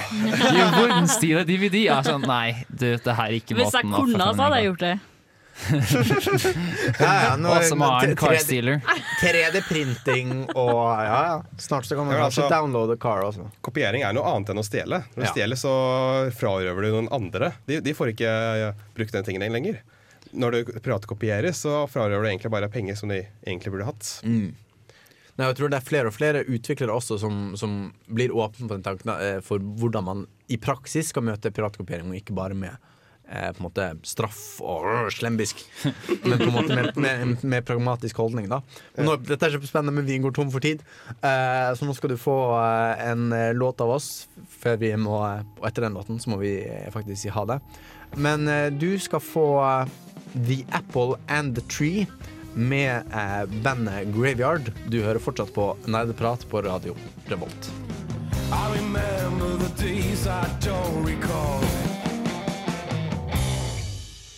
Det var alt eh, vi rakk for i dag.